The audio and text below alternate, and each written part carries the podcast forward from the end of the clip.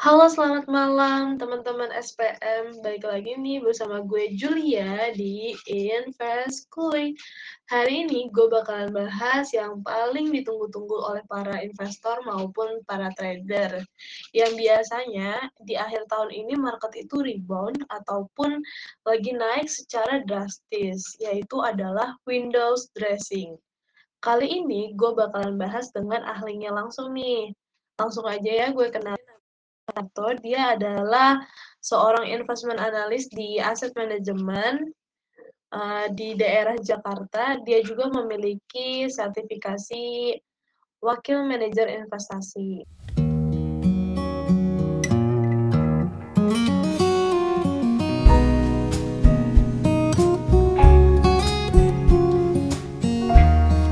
Halo Mas Warto, apa kabarnya nih Mas? Sehat ya Mas? Makasih nih udah mau luangin waktunya buat isi suara di podcast Investkuy. Semoga kita semua senantiasa sehat selalu ya Mas. Mas, aku mau nanya-nanya nih tentang seputar Windows dressing. Sebenarnya Windows dressing itu apa sih Mas? Kenapa sangat ditunggu-tunggu oleh investor maupun trader? Oke, uh, terima kasih atas kesempatannya Mbak Julia. Alhamdulillah kabar baik dan sehat. Baik, langsung saja saya akan menjelaskan mengenai fenomena window dressing. Apa sih window dressing itu? Dalam istilah dunia perdagangan, uh, window dressing bisa disebut mempercantik display produk. Uh, window dressing itu strategi mempercantik portofolio perusahaan seperti yang dilakukan oleh manajer investasi dan perusahaan.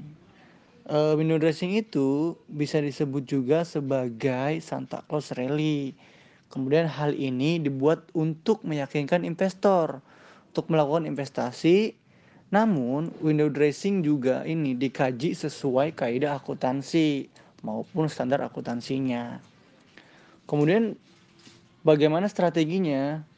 Uh, strategi window dressing ini adalah untuk mempercantik kinerja atau laporan keuangan maupun portofolio bisnis yang dipoles sedemikian rupa agar terlihat menarik di mata investor atau pemegang saham. Uh, kenapa sih manajer investasi itu perlu banget buat mempercantik portofolionya? Uh, kenapa nggak di sebelum-sebelumnya aja gitu? Kenapa harus di akhir-akhir tahun? Iya, Uh, sebenarnya sih bisa dibilang ini sebagai strategi ya dari perusahaan maupun manajer investasi. Terus kenapa sih uh, manajer investasi atau perusahaan nggak ngelakuin tindakan tindakan mempercantik portofolio itu nggak dari sebelum sebelum akhir tahun gitu? Uh, baik, uh, sebelumnya yang pertama kenapa sih manajer investasi melakukan window dressing? Jadi uh, window dressing itu sebenarnya benar yang dikatakan mempercantik portofolio itu tujuannya agar uh, investor itu mau melakukan investasi ke perusahaan tersebut. Dengan acuan uh, kita ngomongin uh, kita ngomongin dengan keuntungan ya. Uh, pasti perusahaan juga melihat uh, perusahaan yang sehat itu seperti apa. Makanya dibuatlah portofolio yang bagus dan semaksimal mungkin untuk tujuannya untuk investor tuh melihat bagaimana sih sisi uh, perusahaan melakukan alokasinya dengan baik dan benar sesuai peraturan. Kemudian kenapa sih uh, tidak dilakukan uh, tidak dilakukan sebelum akhir tahun ini? Sebenarnya perusahaan itu melakukan ini setiap dia mengeluarkan e, portofolionya atau laporan keuangannya. Itu bisa dilakukan di e, kuartalan. Biasanya seperti itu. Iya ya, biasanya perusahaan itu kalau misalkan laporan kuartal 3 tuh biasanya dia emang mempercantik gitu ya, biar investor itu lebih tertarik gitu ya sama perusahaannya. Nah, lalu gimana sih kriteria saham apa aja yang bakalan dipercantik? Itu tuh seperti apa aja gitu? Oke, eh, kriteria apa aja sih yang dipilih oleh manajer investasi? Baik, sebenarnya kita kalau lihat dari alur window dressing sendiri dalam pengalokasiannya, eh, dalam manajer investasi biasanya kita memilih, eee, bagaimana sih story-nya dalam perkembangan saham ini. Jadi setiap saham kita lihat, eee, memiliki return yang kita inginkan atau tidak. Itu kalau misalkan saham-sahamnya, eee, turun ya atau saham-sahamnya nggak sesuai apa yang kita inginkan, biasanya, eee, kita men-switching saham-saham itu dengan return yang menguntungkan. Terus apa saja sih saham-saham yang harus kita cermati gitu kan. Yang pertama biasanya kita, eee, cermati, eee, saham yang blue chip ya. Kenapa sih saham yang blue chip? Kenapa sih nggak saham-saham yang, eee, biasa aja atau saham yang di bawah gitu. Biasanya sih kalau saham blue chip itu memiliki likuiditas yang baik ya, yang bagus gitu kan. Eee, kenapa sih bisa memilih saham blue chip? Ya itu yang pertama, tuh sahamnya liquid di market ya, artinya banyak orang yang yang beli di saham-saham liquid itu. Kemudian, eee, apa saja sih yang harus kita cermati, yakni dilihat dari fundamental dan dan teknikal sahamnya. Bagaimana kita melihat fundamental dari perusahaannya. Biasanya kita lihat, eee, dari sisi laporan keuangannya, perusahaan ini sehat atau tidak dari sisi aktiva, kemudian, eee, perusahaan ini, eee, memiliki beban yang gede atau tidak, itu dari sisi laporan keuangan fundamentalnya. Kemudian dari dari sisi teknikalnya, eee, kalau dari sisi teknikalnya lihat, eee, story dari lamanya aja ya. Kita lihat dari story lamanya, rentang waktu tertentunya dia, pergerakan saham eee, sorry pergerakan harganya, titik tertingginya, high-nya atau low-nya.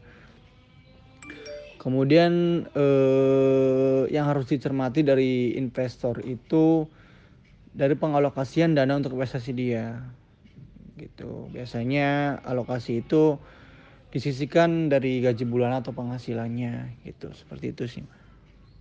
Biasanya windows dressing tuh ada periodenya nggak sih, Tok? Apa di bulan-bulan tertentu aja atau gimana tuh? Nah, terus kan orang-orang tuh sering banget ya ngomongin kalau windows dressing itu ada sektor-sektor yang spesial, kayak misalkan infrastruktur bakal naik kenceng nih kalau windows dressing, ataupun sektor properti yang biasanya, eee, sering digadang-gadang sama orang-orang kalau windows dressing itu naiknya kenceng banget nih.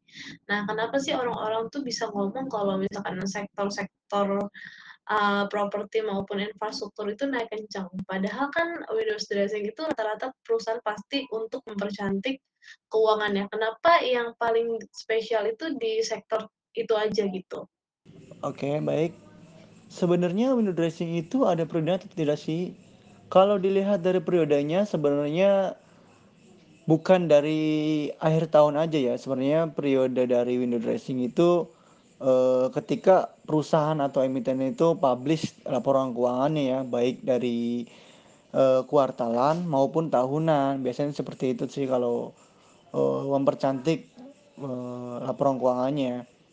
Kemudian dari sisi pemilihan nih, pemilihan alokasi sektor, kenapa sih, harus memilih sektor yang optimal? Biasanya dari manajer investasi mengalokasikan portofolionya itu bukan dari, eee, satu sis satu sektor aja ya. Sebenarnya pemilihan dari window dressing itu, eee, tujuannya untuk, eee, memilih saham yang sekiranya untuk tahun depan atau tahun berikutnya itu masih, eee, optimal.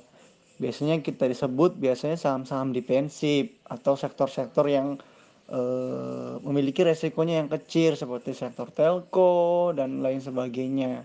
Kemudian untuk tujuan dari pemilihan sektor ini sebenarnya hanya untuk mendefensif portofolionya. Eee, bagaimana sih cara untuk mendefensif itu? Dengan cara memiliki memilih resiko yang kecil dalam, eee, pemilihan saham itu. Kemudian memilih dari segi segmen bisnisnya, apakah itu segmennya cukup bagus atau tidak. Kemudian dilihat dari kesehatan perusahaannya. Perusahaan itu memiliki laba, eee, cukup, eee, memiliki memiliki memperoleh laba yang cukup atau tidak untuk ke depannya. sebenarnya balik lagi ke fundamentalnya sih. Menurutku dari sisi window dressing itu biasanya manajer manajer investasi atau emiten itu uh, memilih sektor-sektor yang defensif yang seperti saya bilang tadi. Menurut Soeharto nih, peluang saham apa aja sih yang kira-kira terkena dampak dari Windows dressing? Tadi kan udah disebutin tuh uh, dari sektor telco. Nah, mungkin Soeharto bisa sebutin nih saham-saham apa aja yang bisa di-hold sampai akhir tahun ini. Untuk apa aja sih saham atau sektor yang bisa di-keep atau bisa di-hold untuk akhir tahun ini atau tahun depan? Yang tadi saya jelaskan dari sektor telco dulu, eh, itu kan untuk pangsa paling besarnya itu ada uh, Telkom ya. Kemudian ada Excel dan yang lainnya juga.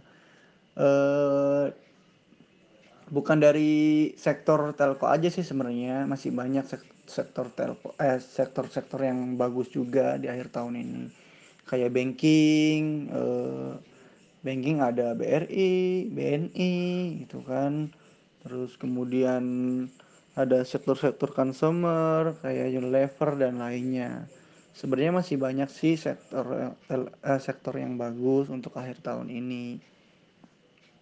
Kemudian untuk sektor yang masih optimal ya di tahun ini atau tahun berikutnya itu ada menurutku ada sektor properti dan infrastruktur di mana untuk sentimennya eh, Indonesia kan bakal memindahkan ibu kota barunya di Kalimantan ya.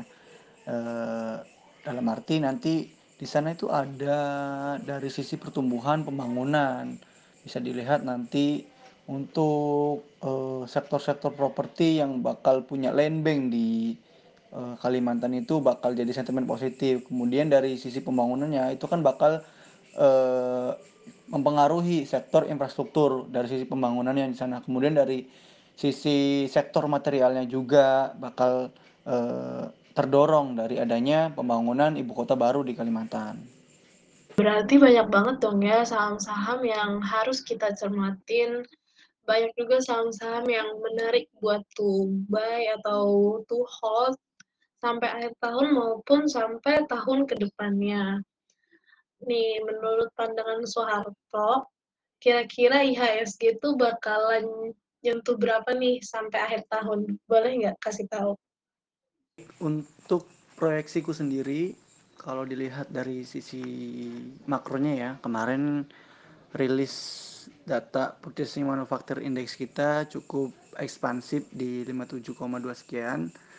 Itu artinya menandakan mobilitas dari sisi uh, manufakturnya udah cukup baik. Kemudian kemarin ada GDP uh, di atas dari konsensus cukup baik juga Uh, kemudian banyak sih data-data yang udah lumayan uh, bagus, artinya pemulihan ekonomi udah mulai terlihat ya di akhir tahun ini.